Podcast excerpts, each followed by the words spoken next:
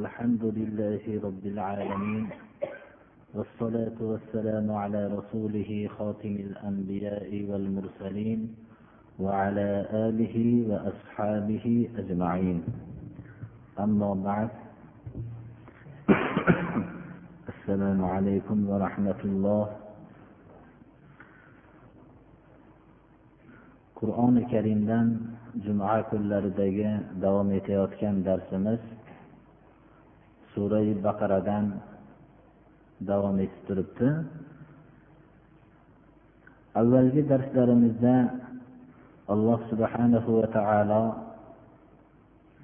da'vat tarixida bo'lgan ibrohim alayhissalom va u kishi bilan rabbi haqidagi hujjatlashgan kishining xabarini bizga qur'oni karim bayon qilib berdi va undan keyin bir shahar oldidan o'tayotgan bir tarixdagi shaxsni zikrini aytib o'tildi va bu darslarda da'vat tarixidagi kishilarning bu hayot sirri qanday bo'lganligini hayot siri haqidagi alloh subhanahu va taoloning bir qudrati namoyish qilingan mo'jizani zikr qilib o'tildi. Bugungi qur'oni karimdan davom etayotgan darsimizda ham avvalgi qismida ibrohim alayhissalom alloh subhanahu va taologa xitob qilib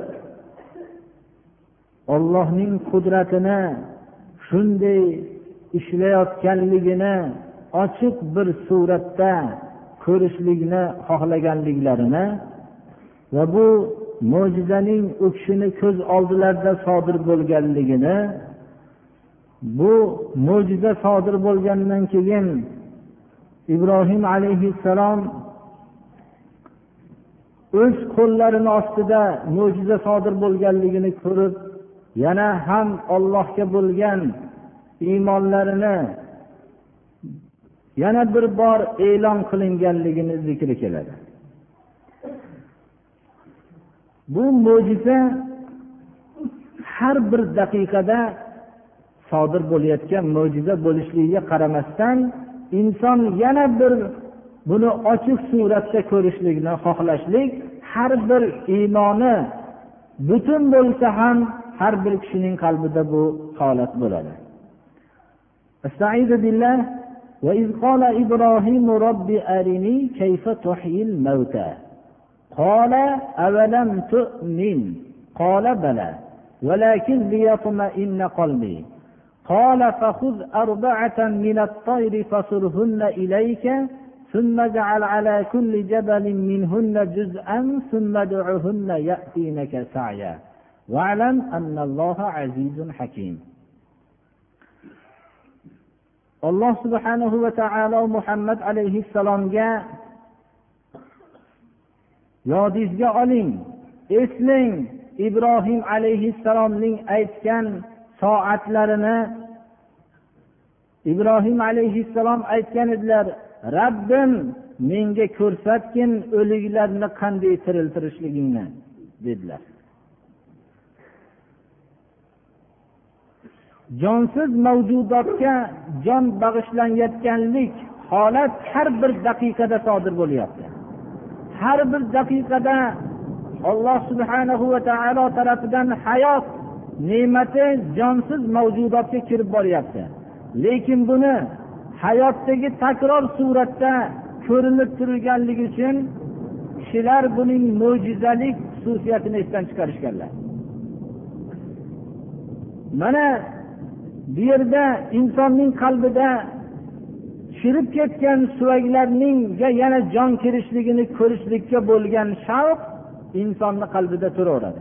Lekin mabodo bir insonga shu jonsiz mavjudotga chirigan suvaylarga hayot ne'mati bag'ishlanayotganlik soatni ko'rsa ham baribir bu qanday hayot bu chirigan suvaylarga kirganligini bilmaslikda avvalgi ko'rmagan holatdek qolaveradi.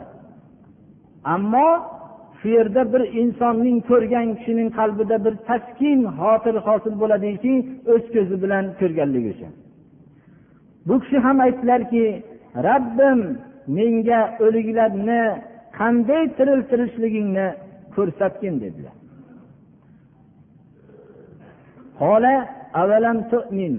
Alloh subhanahu va taolo aytdiki ishonmaysizmi shunga dedilar. O'liklarni tiriltirishligimga ishonmaysizmi deb xitob qildi. Qola bala albatta ishonaman dedilar. Qalbim yana ham bir oromlanishligi uchun menga ko'rsatgin dedilar. Ollohning qudratini ko'rishlikka har qanday ollohga bog'langan qalb ham ishqiboz bo'ladi shavq bo'ladi. Ana shu shavqni ibrohim alayhissalomdek iymoni mislsiz suratda butun bo'lgan ollohning halilida ham bu shavq inson bo'lganligi xususiyati bilan bo'lgan alloh subhanahu va taolo ibrohim alayhissalomning qalbidagi ollohning qudratini oshkor suratda ko'rishlikka bo'lgan shavqniga ijobat qildi. Va keyingi oyatning mazmunidan shu ma'lum bo'ladiki to'rtta qushni olishlikka buyurganligi va ularning o'ziga bir yaqin qilib yaxshilab tanib olishlikka buyurganligi hattoki ularning belgilarini xato qilmasdan keyin tanib oladigan bir holat paydo bo'lishligi uchun va keyin to'rov qushni so'yib jasadlarini parchalab ularni yuzlarini hammasini maydalab toqqa bo'lak bo'lak qilib qo'yishlikni to'rtta toqqa alloh subhanahu va taolo buyurganligini bildiryapti. Va keyin shu qushlarni chaqirishlikni chaqirilgandan keyin qushlarning qismlari hammasi to'planib hayot ularga kirib ibrohim alayhissalomning oldiga tez muddatda kelishligini shu alloh subhanahu va taolo bildirdi. Ibrohim alayhissalomga mana bu kelgan oyat shu narsani bildiradi.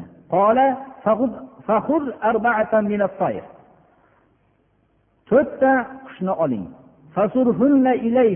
O'zizga yaxshilab yaqinlashtirib tanib oling. Chunki boshqa qush uchib keldi degan hayol kelib qolmasin. Yaxshilab tanib oling uni. Keyin har bir tog'ning tepasiga ulardan bir qismni maydalab tashlangan qismlarni qo'ying. Keyin so'roq qushni chaqiring. Tez chopgan holatda sizni oldingizga keladi. Bu mo'jizani ilohiy mo'jizani va shu bilan birga ilohiy sirni ibrohim alayhissalom ko'z oldilarida sodir bo'layotganligini ko'rdilar. Bu sir faqat ibrohim alayhissalomning ko'z oldilaridagina emas har bir kishining ko'z oldida bu ilohiy sir sodir bo'lyapti. Har bir daqiqada jonsiz mavjudotga jon kiryapti. Odamlar lekin shunchalik uning alomatlarini ko'rishyaptilar. Bu ilohiy sir har qanday har bir daqiqada sodir bo'lishligiga qaramasdan odamlarga sir bo'lisha qolyapti. Qanday bu jonsiz mavjudotga hayot siri kirib boryapti? Bu narsa har qanday tekshiruvdan keyin ham noma'lumligicha qolyapti. Ibrohim alayhissalomning ko'z oldida bu mo'jiza bu ilohiy sir sodir bo'ldi. Avval qushlarga jonning kirishligi qanday noma'lum bo'lgan bo'lsa qushlarga bu ilohiy sirning kirishligi ham noma'lumligicha qoldi chunki bu sirni alloh subhanahu va taolo insonning bilishligini xohlamadi. Chunki insonning yaratilishligidan bo'lgan maqsad xilofat vazifasiga aloqasi yo'q bu sirni bilishlikni. Xilofat vazifasini o'tashlik uchun bu sirni bilishlik lozim emas. Hayotning qanday jonsiz mavjudotga kirayotganligini bilishlik insonning xilofat vazifasiga lozim emas bu narsa.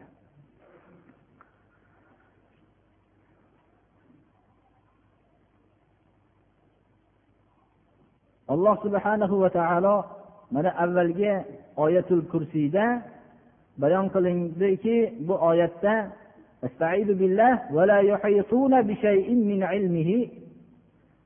ollohni ilmidan illa bimasha olloh xohlagan ilmdan boshqa narsani egallay olmaysizlar.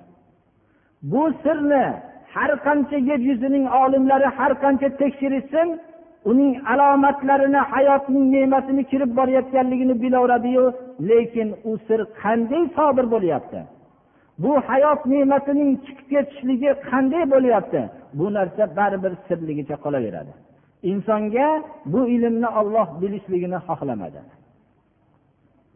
Yana takror aytamiz bu sirni bilishlikning insonning vazifasiga hech qanday aloqasi yo'q inson yaratilishligidan maqsad bo'lgan xilofat vazifasiga yarasha alloh subhana va taolo ilm bergan.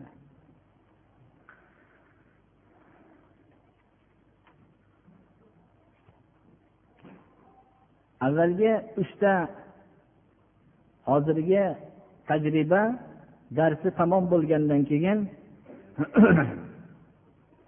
alloh subhanahu va taolo islom xohlagan ijtimoiy iqtisodiy nizomni asoslarini ta'lim beradi. Alloh subhanahu va taolo insonni jihodga buyurar ekan qayerda jihodga buyurgan bo'lsa infoqqa buyurdi infoq ollohni yo'lida infoq qilishlik bu islomda kishilar o'rtasidagi ijtimoiy birdamlik islomning asoslaridan bo'lgan asos ekanligini ko'rsatadi. Va infoq shu bilan birga kishilarning ehtiyojotlarini ta'minlashlik bilan birga beruvchi kishilarning ham poklanib axloqlarining o'nglanib moli dunyoga bo'lgan asir bo'lib qolishlikdan ozod qiladi. Infoq bu faqat oluvchi odamgagina manfaat bo'lib qolmasdan ehtiyojning ta'minlanishligining o'zi bo'lib qolmasdan beruvchi kishining ham tarbiyalaydi. Agar islomiy infoq bo'lishlik sharti bilan. Ammo islomning ko'rsatmasidan tashqari bo'lgan infoqlar oluvchi va beruvchini ham buzadi. Shuning uchun alloh subhanahu va taolo infoqning qanday bo'lishligi bu qaysi yo'lda bo'lishligini insonlarning o'z hollariga qo'yib qo'ymadi va infoqning afzalligini qanday suratlar afzal ekanligini bildiruvchi zarbi masalalarni bayon qildi.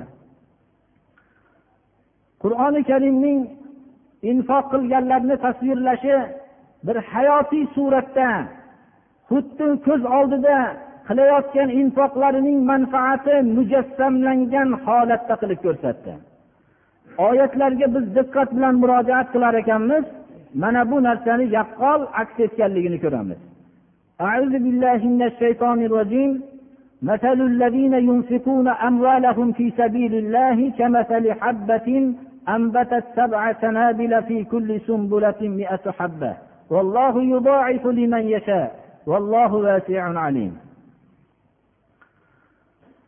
birinchi infoq qonuni vazifa suratda boshlanmayapti. Infoq qonuni odamlarni infoq qilishlikka taklif qilishlik bilan boshlanmayapti.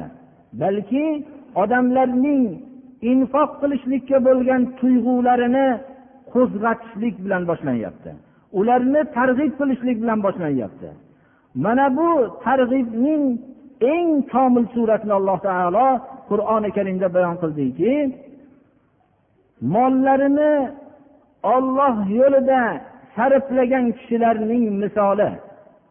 Birinchi infoq qilinadigan narsa o'zlarining mollari bo'lsin. Birovlarning mollariga tajovuz qilib infoq qilmasin. Xususan yatimlarning mollarini infoq qilyapman deb o'zi ularga zo'rlik bilan infoq qilishlik infoq emas o'zlarining mollarini infoq qilishlikka ishora bo'lyapti. Va yana infoq olloh yo'lida bo'lishligini olloh ta'lim beryapti. Infoq qachonki o'zini molini sarf qilsa va shu bilan birga olloh yo'lida sarf qilsagina shularga mukofotlar tayin qildi alloh taolo. Olloh yo'lida mollarini sarf qilgan kishilarning misoli har bir boshog'ida yuz don yuztadan don bo'lgan yetti boshoq undirgan bir donning misoliga o'xshaydi. Insonning ko'z oldiga xususan dehqonchilik ishlari bilan shug'ullangan kishining ko'z oldiga alloh subhana va taolo nihoyatda bir quvonarli bir tasvir bilan tasvirlab beryaptiki dehqon biladiki yerga bir donni eksa u dondan yettita boshoq unib chiqsa u boshoqning har birida yuztadan don bo'lsa undagi quvonch hech yerga sig'may qoladi. Uning bir yerga unumdor yerga ekkan bitta dona agar yetti boshoqni o'z yuztadan donni o'z ichiga olgan yetti boshoqni undirib chiqqan bo'lsa mo'min kishi xususan bu yerdagi dehqonchilikni bilgan kishilar eng bir quvonchli xabar deb biladi. Ana alloh subhanahu va taolo mollarini olloh yo'lida sarf qilgan kishilarning misoli bitta molini bir qismini sarf qilgan bo'lsa go'yoki yerga uni ekibdi ekkandan keyin bundan yettita boshoqlik bug'doy uni chiqdi har bir boshog'ida yuztadan don bor. Ya'ni yetti yuz barobarga alloh subhanahu va taolo ko'paytirib beradi.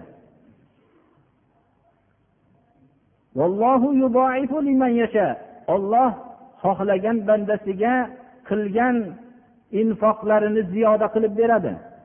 Ollohni mulki keng.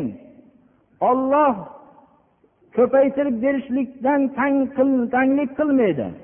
Va shu bilan birga olloh yo'lida infoq qilganlarni va birovlarning moliga tajovuz qilmasdan o'zlarining molini sarf qilganlarini olloh o'zi biluvchidir. Niyatlarini bilib turuvchidir. Islom infoqqa buyurgan vaqtda olloh yo'lida infoq qilishlikka buyurishligi va o'zlarining mollarini infoq qilishlikka bo'lgan buyrug'ini siri agar insonning infoqi o'zini molidan bo'lmasa ollohni yo'lidan bo'lmasa bu mukofotlardan hammasidan mahrum ekanligi ishora qilinyapti. Va buni ishora bilangina aytib qo'yilmasdan keyingi oyatlar buni ochiq bayon qilyapti infoq beruvchi kishini ham tarbiyalamoqligi kerak agar olloh yo'lida bo'lsa infoq albatta ularga manfaat bo'ladi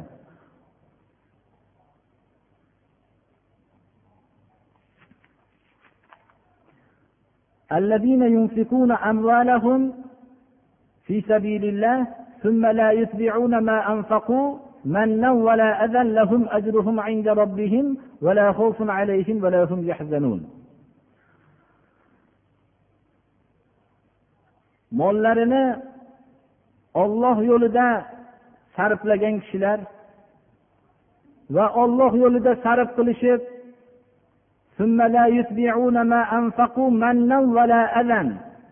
sarf qilgan narsalariga minnat va ozorlarni ergashtirmagan kishilar lahum ajruhum inda robbihim. Ularning mukofotlari shunday to'g'ri yo'l bilan tarbiya qilgan tarbiyat kunandalarni huzurida muqarrar turadi.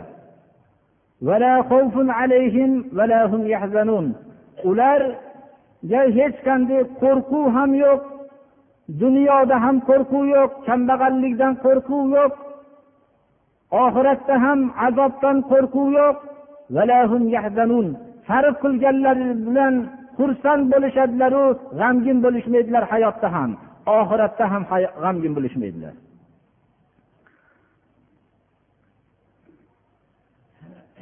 Islom infoq qilishlikni oluvchi odamning ehtiyojini ta'minlashlikning o'zigina deb ko'rsatmaydi. Balki beruvchi kishining ham tarbiyalovchi amal deb biladi. Agar beruvchi kishi o'zining birinchi mol baxilligidan qutulishligi va keyinchalik o'zining masalan shunda alloh subhanahu va taoloni molini bandalar o'rtasida ehtiyojotlarni ko'rganda rahmi kelib shularni ta'minlaydigan bo'lishlik mana bunday islomiy sifatlar hosil bo'ladi.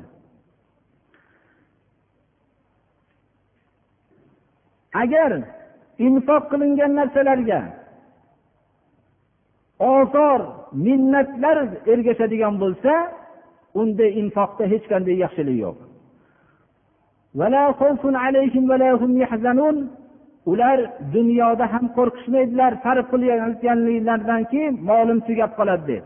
Alloh subhanahu va taolo dunyoda ham ularnikini ziyoda qilib beradi. Va ular g'amgin emas dunyoda sarf qilishlik bilan g'amginlik hosil bo'lmaydi va shu bilan birga oxiratda ham g'amgin bo'lishmaydilar. Agar infoq olloh yo'lida bo'lmasa dunyoda ham g'amgin bo'lishadilar. Dunyoda g'amgin bo'lishligini ma'nosi shuki men chakki infoq qilgan ekanman mening infoqimni bilmadi bular. Hayotdagi odamlar uchun infoq qilganlar meni infoqimni tanimadi. Men sarf qilgan narsalarimni qadriga yetmadi deb dunyoda ham g'amgin bo'lishadilar oxiratda ham g'amgin bo'lishadilarki shu qilgan minnatlari bilan zoye bo'lib ketganligini ko'rib qup qurib qolganliklarini ko'rib oxiratda ham g'amgin qolishadilar. Ammo olloh yo'lida infoq qilgan bo'lsachi uni odamlarning bilishligi shart emas. Olloh yo'lida bo'lgandan keyin olloh bilib turganligimga kifoya qiladida unda xavf bo'lmaydi. U odamlar tarafidan bilinmaganligiga g'amgin bo'lmaydi. Ana oxiratda ham zoyi bo'lib ketib qoladi degan tashvish bo'lmaydi. Ollohni huzurida muqarrar bo'lib turadi. Va ollohni huzurida bu infoqning ko'rgandan keyin g'amgin bo'lmaslik balki xursand bo'lishlik mana qiyomat kuni bo'ladi. Ammo infoqqa ozoru minnatlar ergashadigan bo'lsa infoqdan maqsad faqat ehtiyojotni ta'minlashlik emas. Unda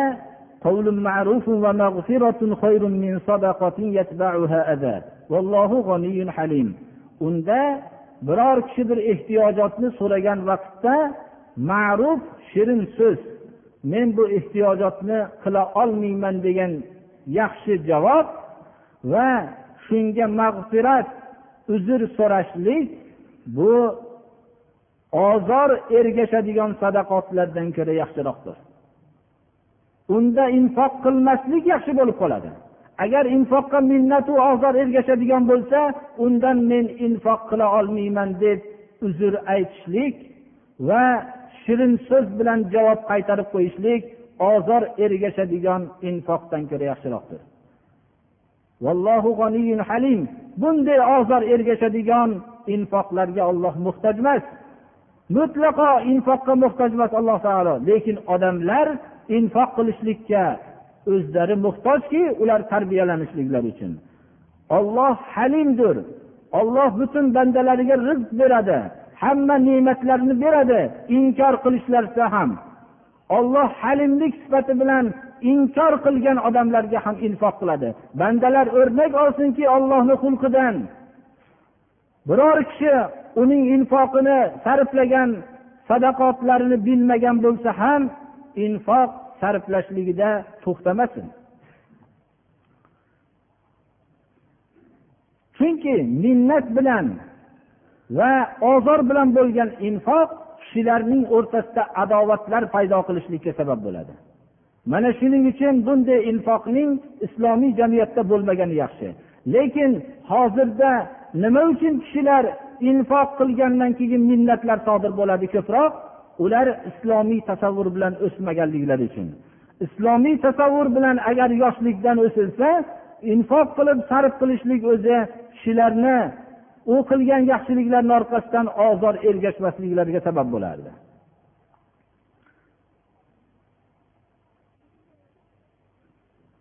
يا أيها الذين آمنوا لا تبطلوا صدقاتكم بالمن والأذى كالذي ينفق ماله رئاء الناس ولا يؤمن بالله واليوم الآخر فمثله كمثل صفوان عليه تراب فأصابه وابل فتركه صلدا لا يقدرون على شيء مما كسبوا vallohu la yahdil qavmal kafirin. Alloh subhanahu va taolo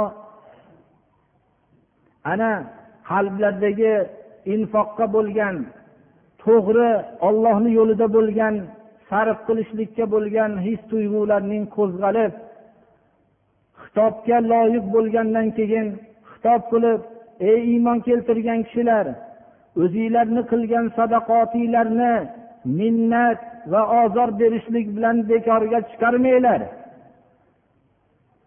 O'zi sadaqotlar qilib minnat va ozor bilan bekorga chiqargan kishilarning misoliga misoli shunga o'xshaydiki molini odamlarga riyo qilib sarflayotgan odamga o'xshaydi.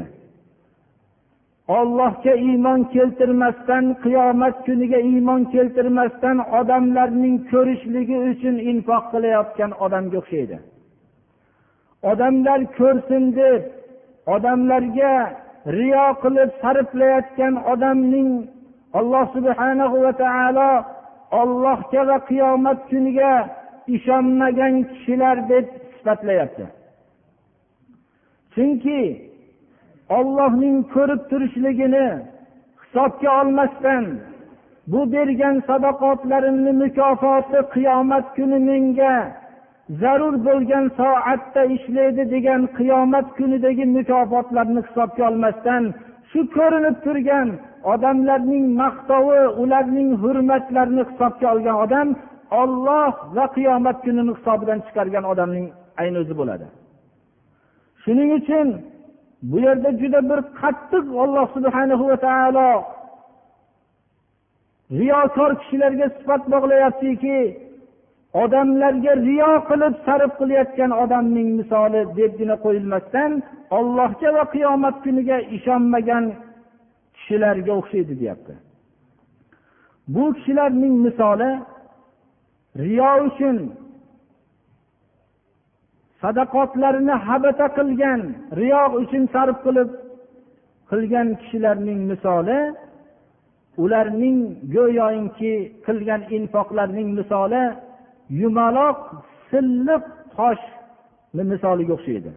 Uni ustida yumaloq silliq toshni ustida turgan tuproq bor.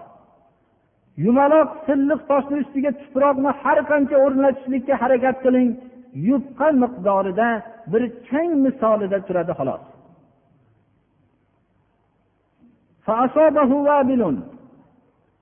Go'yoki riyokorlik bilan qilayotgan ehsonlar ko'rinishlikda unumdorga o'xshab turishligi toshning ustida turgan tuproqqa o'xshaydi. Bu tuproqni tashqaridan ko'rgan odam agar bu balandlik bir adir deydida uni ustiga agar ekin eksa hosil bersa kerak deb o'ylaydi.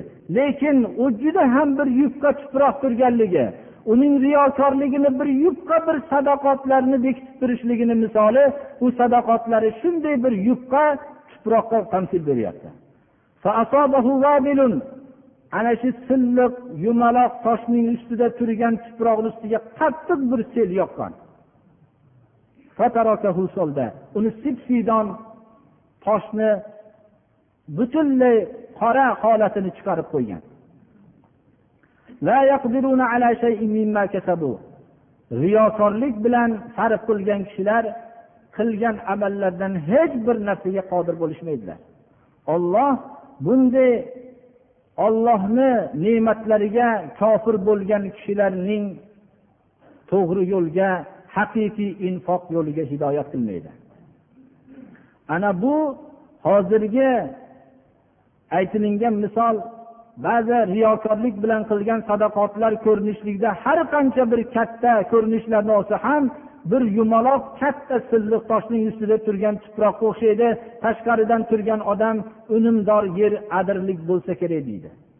Lekin unga bir yomg'ir yetganda odatda haqiqiy unumdor yer bo'lganda bu yerda hosil ko'payishligi kerak edi. Lekin uning tagi tosh bo'lganligi uchun u yerda unumdorlik deb gumon qilinib turgan joyning basharasini ochib tashlaydi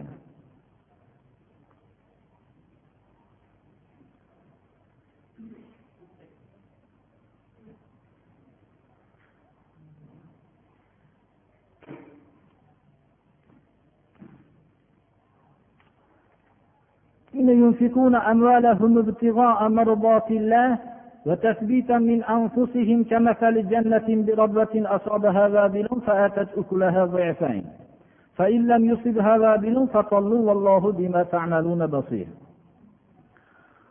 mollarini ollohning rizoliklarini istab sarf qilayotgan kishilarning va o'zlaridan bu sarf qilayotgan mollarining mukofoti muqarrar deb ishonch hosil qilib oxiratda ajri muqarrar agarki odamlar bilmasa ham deb sarf qilayotgan kishilarning misoli xuddi bir katta balandlikdagi bo'stonning misoliga o'xshaydi. Bir adirlikka joylashgan bo'stonning misoli o'xshaydi. Adirlikda odatda ko'kargan mevalik daraxtlar bo'lsin boshqalar bo'lsin nihoyatda chiroyli suratda ko'karadi. Va shu bilan birga adirlikda bo'lishligi havoning tozaligi u yerda yomg'irning ko'proq yog'ilishligi bilan unumdor bo'lishligidan kinoya bo'lyapti. Bo'lib ham qattiq yomg'ir yoqqan baland adirlikdagi bo'stonga o'xshaydi. Ollohni rizosida yo'lida sarf qilgan kishilarning qilgan infoqlari. Mevalarini ikki barobar bergan. Ikki barobar berishligi boshqa yerdagilardan ko'ra bu yerda hosildor bo'lib tuprog'i unumdor bo'lganligi uchun ikki barobar meva bergan va qattiq yomg'ir yoqqan baland adirda turgan bo'stonlarga o'xshaydi ollohni rizosini yo'lida sarf qilingan ehsonlarning misoli. Agar bu adir ustidagi bo'stonga qattiq yomg'ir yog'masa ham ozgina yomg'ir ham kifoya qiladi yerning unumdorligidan olloh sizlar qilayotgan amallarni ko'rib turuvchidir. Sizlar yaxshiliklarni qilaveringlar olloh uni sizlar qilayotgan amallarni ko'rib turuvchidir agarki odamlar ko'rmayotgan bo'lsa ham أيود أحدكم أن تكون له جنة من نخيل وأعناب تجري من تحتها الأنهار له فيها من كل الثمرات وأصابه الكبر وله ذرية ضعفاء فأصابها إعصار فيه نار فاحترقت كذلك يبين الله لكم الآيات لعلكم تتفكرون yaxshi infoqlarni qilib minnat qilib odamlarga ozor berib qo'ygan kishilarning achinarli holatlarini alloh taolo tamsil beryapti sizlarning bittalaringlar do'st tutadimi xohlaydimi uning xurmozor uzumzor bo'lgan bog'i bo'lishligini va ostlaridan anhorlar oqib turadigan uzumzor xurmozor bo'lgan bog'i bo'lishligini xohlaydimi? Faqat uzumzor xurmozorgina emas balki boshqa turli mevalardan yana shu bog'larda uniki shunday bog'roqlari bo'lsa va o'ziga ham qarilik yoshi yetgan bo'lsa u o'zining bog'ini salqin joylarida mevalik joylarida o'tirishlikni xohlaydigan qarilik yoshi ham yetgan bo'lsa undan tashqari uning zaif bir zurriyotlari ham bor. Bog'ida ishlashlikka hech qodir bo'lmagan zaif ho kichkina bo'lsin ho nogiron bo'lsin shunday zurriyotlari ham ko'p. Shu boqqa nihoyatda muhtoj endi quvvatdan qolgan uning ustiga xurmozor uzumzor ostlardan anhorlar o'tgan va turli mevalardan bo'lgan bog'i bo'lsayu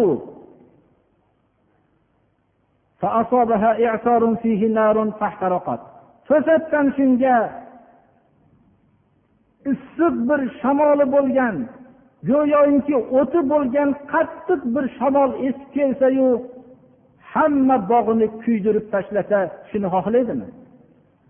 Endi u bir bog'i go'zal bo'lishligidan tashqari qari bunday ishlarga yaramay ham qolgan vaqti bo'lsa undan tashqari shu bog'ga muhtoj bo'lgan ko'p zurriyotlari bo'lsa u zurriyotlar bog' ishiga yaramaydigan zaif bo'lishsa shunday holatda birdan o't bilan qo'shilgan qattiq shamol kelsayu bog'ini hammasini kuydirib tashlashligini xohlaydimi?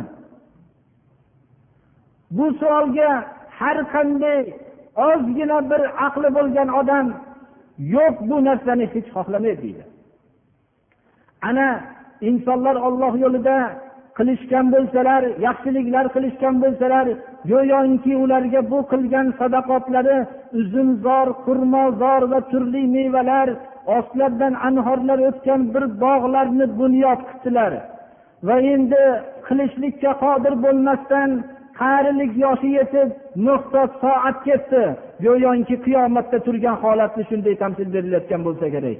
Endi muhtoj bo'lib endi qilgan sadaqotlarning muhtoj bo'ladigan soatda zaif zurriyotlari ham tursa bularga bu bog'dan foydalanishlikka muhtoj bo'lgan kishilar turganda mana shunday bir holatga tamsil beryapti alloh taolo. Qilgan olloh yo'lidagi sadaqotlari shunday katta mukofot bo'lib turganda bir so'z bilan minnat qilib qo'yishlik ana shu bog'ga o't aralash kelgan qattiq bir shamolning esishida bog'ni shunday kuydirib xunuk bir holatga paydo qilib qo'ygan.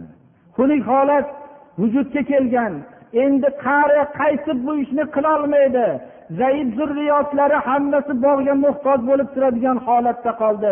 Eng bir achinarli bir holatni alloh taolo tamsil beryapti. Agar shu maiza bilan ta'sirlanmagan kishi hech qanday bir maiza bilan ta'sirlanmaydi. Alloh subhanahu va taoloning shu ko'rsatgan tamsili bilan ta'sirlanmagan odamga minnat qilma deb ogohlantirishlikni hojati yo'q.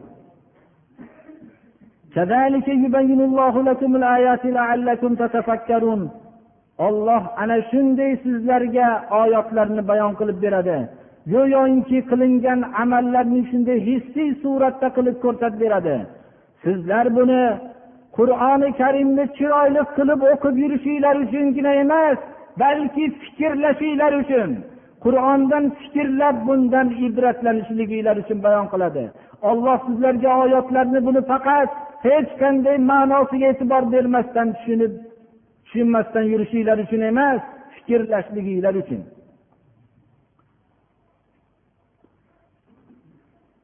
Mana birodarlar bizlarni alloh subhanahu va taolo infoq qilishlikda xohlagandek infoq qilib yuraver deb qo'ymadi.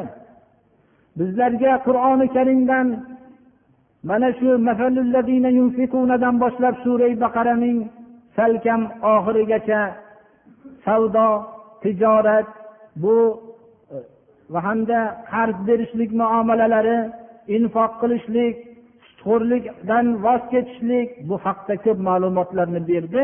Qanday munosabatlarda bo'lishligimizni alloh taolo ogohlantirdi. Go'yoki men mana shu betlarni agar biror marta eshitmagan kishilar ho eshitib amal qilmagan kishilar qur'oni karimning shu o'rindagi infoq ehson qilishlik haqidagi kelgan oyatlarini minnatning ta'siri bilan qilgan ehsoniniga ozor berishlik bilan qilgan kishilar shu narsalarni bir eshitgandan keyin men gumon qilamanki bugundan boshlab endi ehson qilar ekanman. O'tgan ehsonlarimdan zarar hosil bo'lmasa ham roziman deydigan holat paydo bo'lsa kerak deyman. Inson agar ehson qiladigan bo'lsa og'zidan minnat ozorlar chiqadigan bo'lsa buni alloh subhanahu va taolo bunidan qilmaganlik yaxshi deb olloh robbil alamin aytyapti birodarlar. Buni eshitgandan keyin inson endi bugundan boshlab men ehson qilar ekanman agar olloh qolgan umrimda shu qilgan ehsonimni salomat minnat qilmasdan saqlab qolsa avvalgi ehsonlarimga mukofot kutishlik emas balki shularning bir zararini ko'rmasam ham roziman deydigan holat paydo bo'ladi.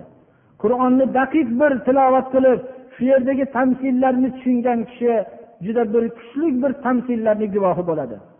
Go'yoki ko'rinib turgan riyokorlik bilan minnat bilan ozor bilan bo'lgan ehsonlar katta bir adir bizni ko'zimizga ko'rinib tursa u yumaloq qattiq tosh uni ustida chang turibdi xolos. Jinday yomg'ir bilan u yo'g'ib ketadigan narsa.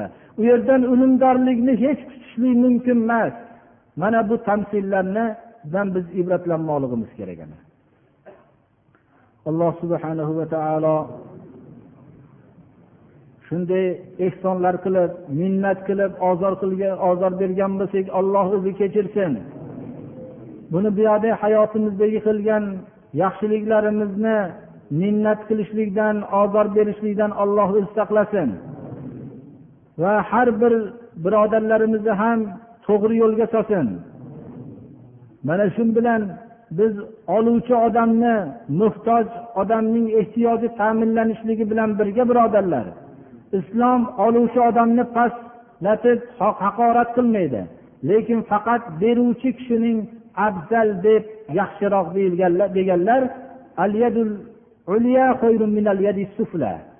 tepada turgan qo'l pastki qo'ldan ko'ra afzalroq deganlari bergan qo'l olgan qo'ldan afzal deganlari shu ishora bor xolos. Lekin bundan olgan qo'lni haqoratlanishlik kelib tushmaydi birodarlar. Balki beruvchi odam hamda aytishlik kerakki shu oluvchi odam sababli men ollohning huzuridagi darajotga shu odam sababli yetyapman go'yoki men yaxshilik tarafiga o'tishligimga bu odam menga ko'prik bo'lib qolyapti. Shu ko'prik bilan o'tib olyapman deb uni hurmat qilishlik kerak. Islomcha ehson tasavvurini shunday tushunilishi kerak birodarlar bizni bir hayotdagi qilayotgan ehsonlarimiz deb atalgan ehson degani uyalasan odam. Shularni ham bir tasavvur qilinglar. shu odamlarni majbur qilib turib ba'zi narsalarni yo'l yo'riqlarni ko'rsatib shunaqa qilishlarini majbur qilib ko'rsatishlarini buni ehson deb atasa bo'ladimi birodarlar mana bu oyatlarni o'qigan kishi bulardan juda bunday deyishlikdan ehtiyot bo'ladi اهدنا الصراط المستقيم صراط الذين أنعمت عليهم غير المغضوب عليهم ولا الضالين alloh subhanahu va taolo hammamizni ham to'g'ri yo'lga boshlasin shunaqa minnat ozorlardan olloh o'zi saqlasin. Ular ikkitalari bir alloh taolo bir shifo bersin deb alloh o'zini huzuridan shifo bersin. Parvardigoro bu keyingi ukamizni qilgan talablarni ham o'zing parvardigoro o'zing ijobat qilgin shar'iy maqsadni so'rayotgan ekan alloh taolo o'zi ijobat qilsin. تقبل منا إنك أنت السميع العليم. ربنا اغفر لنا ولإخواننا الذين سبقونا بالإيمان ولا تجعل في قلوبنا غلا للذين آمنوا. ربنا إنك رؤوف رحيم. اللهم ارحمنا بالقرآن العظيم واجعله لنا ولا علينا حجة يا رب العالمين. الله أكبر. Amin alloh taolo hamma gunohlarimizni mag'firat qilsin ibodatlarimizni qabul qilsin mehmonlarimizni ham alloh taolo qadamiga hasanat bersin allohu akbar